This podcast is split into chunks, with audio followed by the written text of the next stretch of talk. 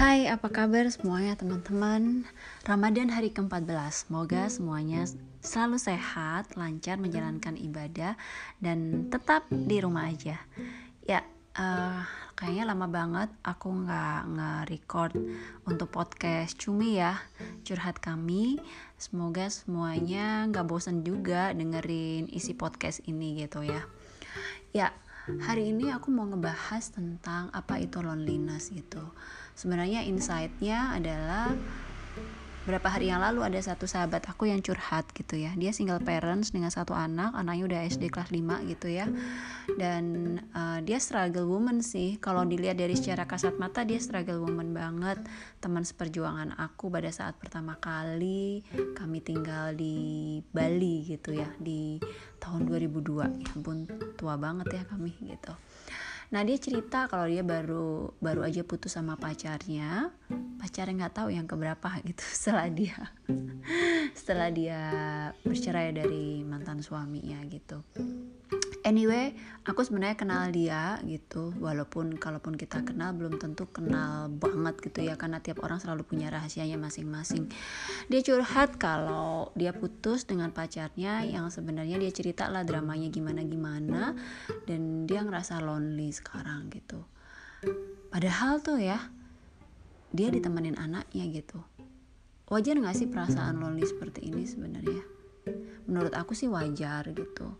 Aku pun juga udah pernah merasakan hal itu berapa tahun yang lalu dan berusaha ngelopekin semuanya itu kenapa itu terjadi gitu. Nah sebenarnya kalau uh, ada teman-teman juga yang ngerasa seperti itu gitu kadang-kadang tuh ada indikasi ya orang-orang yang ngerasa lonely itu biasanya dia tuh nggak nyaman di uh, bukan hanya dia nggak selalu introvert sih kadang-kadang juga ada orang ekstrovert gitu yang merasa kayak gitu. Dia uh, beradaptasinya kadang-kadang agak susah. Tapi kalau temanku yang ini wah dia mah adaptasi banget dan hidupnya selalu rame selalu hore gitu. Dan dia itu jarang jomblo nah questionnya adalah pada saat dia curhat kayak gitu ke aku aku tanya biasa dengan three question ya. Three question adalah why what dan how. Jadi aku nggak buru-buru walaupun dia selalu pengen solusi gimana nih supaya nggak ngerasa kayak gini supaya gimana kayak kayak gitu. Biasa ya orang kalau lagi sakit pengennya cepet-cepet untuk cari obat tapi nggak mau cari tahu obat apa sebenarnya yang cocok dan kenapa sih kita ngerasa sakit. Itu tuh jarang gitu ditanyain gitu. Nah cuman aku coba mancing dengan three question itu gitu. Kenapa dia dia uh, dia ngerasa banget sakit atau patah hati saat ini dia dia cerita begini begini begini. Dan uh, goalsnya adalah sebenarnya bukan goalsnya kesimpulannya adalah dia ngerasa lonely sehingga dia selalu merasa harus punya pasangan. Ha come on gitu ya. Di dunia ini laki-laki nggak sendiri aja ada aja perempuan yang pengen deketin. Begitu pula perempuan. Perempuan yang nggak sendiri ada aja cowok yang pengen deketin apalagi yang sendiri gitu. Kemungkinan itu sangat besar sekali gitu. Walaupun ada yang ngerasa kenapa sih aku kok jomblo-jomblo terus? gitu sendiri terusnya itu juga masing-masing punya PR sih ya. Nah pertanyaannya adalah haruskah memang kita selalu punya pasangan? Artinya gini bukan bukan. Maksudnya dengan merit ya. Merit pun juga kayak gitu. Apakah kita harus cepat-cepat menikah gitu menurut aku sih nggak selalu seperti itu gitu. Kita tuh kadang-kadang perlu jeda untuk mengenali diri kita sendiri.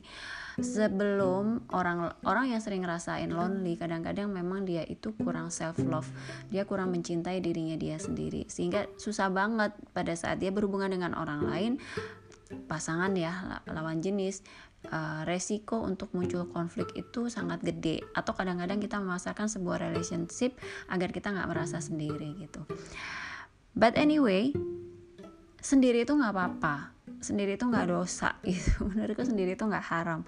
Itu pertama kali yang aku terima aku yakinkan pada diriku aku pahamkan pada diriku pada saat aku uh, pengen sembuh dari perasaan lonely itu gitu. Biasanya kan orang lonely karena sering gagal dan lain sebagainya begitu ya. Nah tiga hal yang aku rasakan pada saat merasakan lonely. Yang apa yang aku lakukan ya saat itu adalah yang pertama kembali ke masa kecil. Biasanya lonely itu sangat dipengaruhi bagaimana masa kecil kita nah temanku itu aku coba tanya juga masa kecilnya dia iya dia juga anak tunggal gitu. Dan aku sekarang punya anak tunggal juga gitu kan. Dan aku bukan anak tunggal tapi aku juga merasakan lonely. Jadi almarhum ibunya sahabatku ini selalu berusaha mencarikan teman ataupun orang lah ya yang yang yang menemani sahabatku. Karena waktu itu almarhum mamanya sangat sibuk sekali gitu. Nah uh, wajar sih anak kecil ada temen gitu tapi mungkin akhirnya melekat dengan itu sehingga harus ada harus ada harus ada nah pada saat mamanya meninggal itu kan bener-bener kayak istilahnya uh, ini banget ya uh, pedih banget gitu. Itu merupakan sebuah guncangan dalam hidupnya dia. Dan, dia pada saat itu usianya kalau nggak salah masih kecil sih masih SD gitu. Itu nggak mudah pastinya. Dan dimulai dari uh, masalah seperti itu akhirnya temanku ini sampai gede pun hidupnya dia selalu punya followers. Belum musim sosial media sudah punya teman selalu di kos kosan di mana kerja dia nggak pernah sendiri. Selalu dia ditemenin minta ditemenin minta ditemenin. Nah itu adalah stimulus awal sehingga dia pada saat dia sendiri dia ngerasa kayaknya ada yang hilang dalam hidupnya dia. Padahal kita sendiri itu adalah momen untuk self talk muhasabah diri pada pada diri kita sendiri gitu. Kita bertanya seberapa besar sih cinta kita pada diri kita seberapa besar sih kita melekat kepada orang lain atau pihak lain yang kayak gitu gitu nah itu itu itu yang aku lakukan juga kembali ke masa kecil ya kalau aku sih memang karena anak tengah ya harus ngalah sama kakak harus ngalah sama adik yang kayak gitu-gitu. Nah uh, kenapa lonely dan nggak bisa mengungkapkan apa yang kita rasakan kondisinya seperti itu. But hal ini harus kita terima kita latihan menerima. Nggak apa-apa emang ya sudah seperti itu hidup kita gitu. Dan kita kembali kepada hari ini. Nah Poin kedua yang aku lakukan adalah meruntut peristiwa setelah masa kecil, masa remaja, masa dewasa seperti apa gitu. Itu adalah masa mencari kita kesadaran-kesadaran baru. Ternyata tuh kalau aku sendiri merun merunut, kenapa aku yang ngerasa lonely dari kecil, eh tapi ternyata SMP aku tuh udah hidup terpisah dari orang tua, udah dititipin sama saudara karena sekolahnya jauh, harus ngekos, kerja harus pindah-pindah dan lain sebagainya, why gitu kan, big why gitu. Ternyata aku dapat benang merahnya karena memang aku dilatih sama Allah untuk lebih tangguh, lebih kuat, lebih lebih lebih sanggup menghadapi per, apa ya peliknya hidup gitu.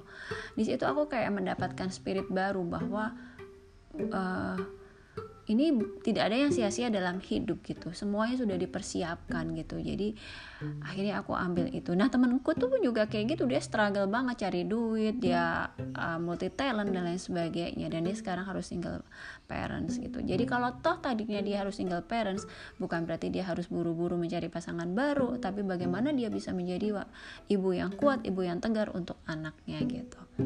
Nah poin yang ketiga adalah melanjutkan hidup Bagaimana kita bisa mengisi hidup ini dengan bermodalkan pengalaman-pengalaman hidup yang udah kita lalui sebelumnya dengan kesadaran-kesadaran baru gitu. Nah, aku kemarin berpesan sama temanku seperti ini patah hati itu mengajarkan kita untuk bangkit gitu kan. Artinya bukan berarti kita selalu buru-buru harus cari pasangan baru. Tapi kita harus tahu apa kebutuhan kita. Baru setelah itu kita melibatkan orang baru dalam hidup kita. Karena kalau nggak kayak gitu itu sangat rentan menimbulkan konflik. Kayak kita ngajakin orang lain bunuh diri aja masuk sumur gitu. Padahal kita juga nggak tahu caranya bertahan di dalam sumur itu. Belum tentu kita selamat apalagi ngajak orang lain. Nah poin ketiga adalah itu tadi membangun pondasi baru dalam hidup. Purpose of life kita tuh apa? Tujuannya tuh apa gitu? Banyak juga kan orang yang hidup sendiri tapi hidupnya dia bermanfaat buat orang lain. Jadi nggak melekat pada status gitu. Status ya Allah ditulis loh status. Bukan status tapi status gitu. Nah itu. Tiga hal ini yang menurut aku mem, uh, memberikan sebuah pen, pencerahan gitu ya dan kita bisa melanjutkan hidup tuh dengan enteng dan suatu saat kita ngerasa kesepian, ngerasa sendiri, ya nggak apa-apa juga. Emang hidup seperti itu sendiri. It's okay, rame-rame pun juga boleh. Semuanya itu indah. Kita melihatnya dalam sebuah bentuk uh, format yang utuh gitu ya. Jadi nggak mm, parsial gitu. Kalau kita membenci satu bagian dalam kehidupan, ya kita akan selalu mengejar hal itu. Padahal hal itu tuh kadang sulit kita kejar atau kita pertahankan gitu. Nah, hal itu teman-teman yang ingin aku sharing, siapa pun yang ngerasa lonely, aku pikir itu nggak apa-apa. Tapi jadikan itu sebagai stimulus untuk masuk ke dalam diri lagi mencari tahu kenapa hal ini kita rasakan. Itu lebih penting daripada kita cari obat keluar akhirnya putus nyambung dengan orang lain menambah kayak temanku itu dia akhirnya nyodorin ini mantan mantan pacarku. Ya buat aku sih deretan nama itu adalah pembelajaran. Aku pun juga udah pernah juga udah pernah mengalami hal seperti itu. Kenapa gitu kan pertanyaannya? Why why why why gitu. Dan di situlah kita akan bertemu dengan uh, kesadaran baru dengan pemahaman baru dalam hidup ya. Ya hidup terus belajar terus berlatih. Kalau kita ngalamin patah hati itu juga anggap aja sebagai proses belajar dan proses latihan gitu. Karena patah hati itu pasti juga akan terjadi kan? Kita kehilangan tas kesayangan aja kita patah hati. Apalagi kita harus putus dengan orang yang kita saat itu kita merasa menyayangi merasa menyayangi ya. Dan satu lagi kalau yang ngerasa lonely karena patah hati putus dari pacar atau bercerai dengan pasangan aku cuman kasih tips ya. Perasaan itu semua rasa itu bisa kita bangun. Absolutely bisa kita bangun absolutely bisa uh, artinya kalau bisa dibangun itu bisa ditinggikan bisa dibuat cantik bisa juga suatu saat dia hilang atau jadi netral. Jadi it's okay Oke buat semuanya yang masih dan mau mendengarkan podcast Cumi Kalian boleh ngasih feedback ke Instagram aku At Erlina Pambudi. Uh, apa pun deh kalian boleh nyampah. Boleh curhat juga. Aku sedang belajar untuk mendengarkan. Ya gitu. Thank you teman-teman. Stay healthy uh, stay happy uh, happy fasting. Allah selalu bersama kita dengan kasih sayangnya yang super luas Don't worry, be happy. Thank you guys.